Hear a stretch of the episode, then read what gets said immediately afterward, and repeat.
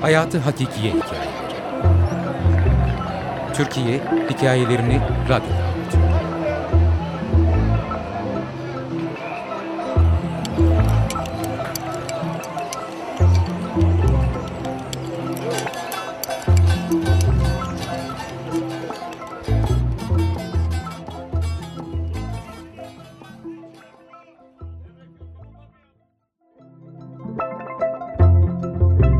Umuda söz. Alamayız çocuğunu bu okula diye kestirip attı müdür. Yapamaz o burada. Körler okuluna gönderin. İri yarı göbekli bir adamdı. Masasına kurulup karşısındakine laf yetiştiren yöneticiden çok, çıktığı duvarın üstünde ötmeye hazırlanan çalımlı bir horozu andırıyordu. Önündeki kağıt tomarından rastgele birini çekip okur gibi yapmaya başladı. Aklı akşama karısına pişirmesini tembihlediği kuru fasulyedeydi. Eve giderken şu meşhur turşucudaki o canım hıyarlardan alayım. Ne de güzel gidiyor mübarek fasulyeyle. Tayin helvası da almalı. Bizim ufaklık bayılır. Ama dedi kadın cılız bir itirazla. Orası uzak. Gidemeyiz biz her gün. 30-35 yaşlarında ufak tefek topluca bir kadındı.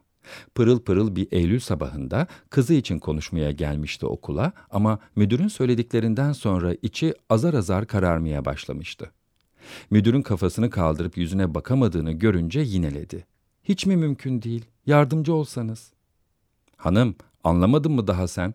Çocuğun yapamaz diyorum burada. Nasıl öğreteceğiz biz ona? Görmüyormuş işte. Ne yapalım yani? Allah sabır versin. Kaydedemem ben böyle çocuğu okuluma. Makineli tüfekten çıkar gibi dökülüyordu sözler ağzından. Farkında değildi kelimelerinin grimsi renginin. Eliyle öyle değil mi gibilerden işaret yaptı öbür yanda oturan adama. Adam umursamaz bir ifadeyle dinliyordu ama yine de müdüre hak verircesine oturduğu yerden omuz silkmeyi ihmal etmedi.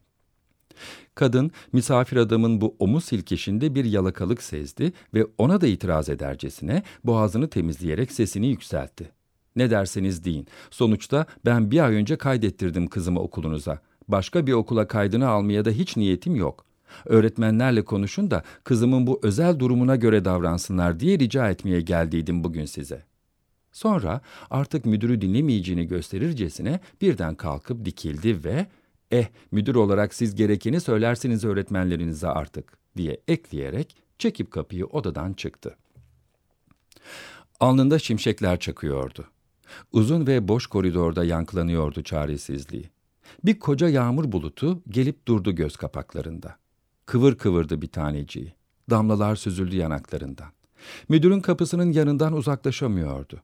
Sırtı gri duvara dayalı, ayakta güçlükle duruyordu.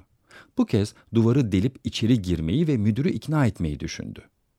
Az görüyordu kızı. Doğuştan göz tansiyonu vardı. El kadar bebeyken ameliyat etmişlerdi. İlkokul öğretmenleri mırın kırın etselerdi bitmişti işte. Ama şimdi ortaokul, sonra lise. Üniversiteye de gitmeliydi elbet. Niye gitmesindi? Varsın kızı da az görsündü. Seviyordu cancağızı okumasını ve üstelik hepsinden azimli ve çalışkandı. Söz dedi kendi kendine. Kızı yanı başındaymış gibi. Hep yanında olacağım Şahikam'ın. Okuyacak, kendini kurtaracak. Müdür gibi anlayışsız, çiğ adamları utandırmalıydı bu hayatta. Sahi müdüründe kalın camlı gözlüğü vardı. Şaştı kendine. Şu sıkıntısında gözlüklerinden ona neydi? İnsan beyni ne garip işliyordu öyle. Her şeyi umuda yoruyordu. Sanki gözlüklü olması müdürün kararını değiştirecekti. Sakinleşti bir parça. Bu kez Şahika'nın cübbeli bir resmi belirdi gözünde. Kalın altın varaklı çerçevesiyle karşısındaki gri duvara asıldı. Ağlama bacım. Mavi önlüklü, beyaz eşarplı, güleç bir kadındı yanına yaklaşan. Okulun hademesiydi. Kapıya kaçamak bir bakış atıp ekledi. Bakma sen. İnsan halinden anlamaz bu adamlar. Hep olmaz derler ama oldurur Rabbim. Okur senin kızın hiç merak etme. Ferah tut yüreğini. Şaşkınlıkla ancak sağ ol diyebildi. Bu rahibe kılıklı iyilik meleğinin arkasından bir süre minnetle baka kaldı. Teselli dolu adımlarla çıktı okuldan. Bir süre dalgın yürüdü, sonra nedensiz bir inançla hızlandı adımları. Okuyacak benim prensesim dedi yüksek sesle. Herkese inat okuyacak. Dönüp bakanları aldırmadan kendi kendine konuştu yol boyunca. Köşedeki turşucunun önünden sokağına saptığında evine varmış gibi oldu. Umuda Söz Yazar Harika Külçür Editör Murat Yalçın Okuyan Mesut Özkeçeci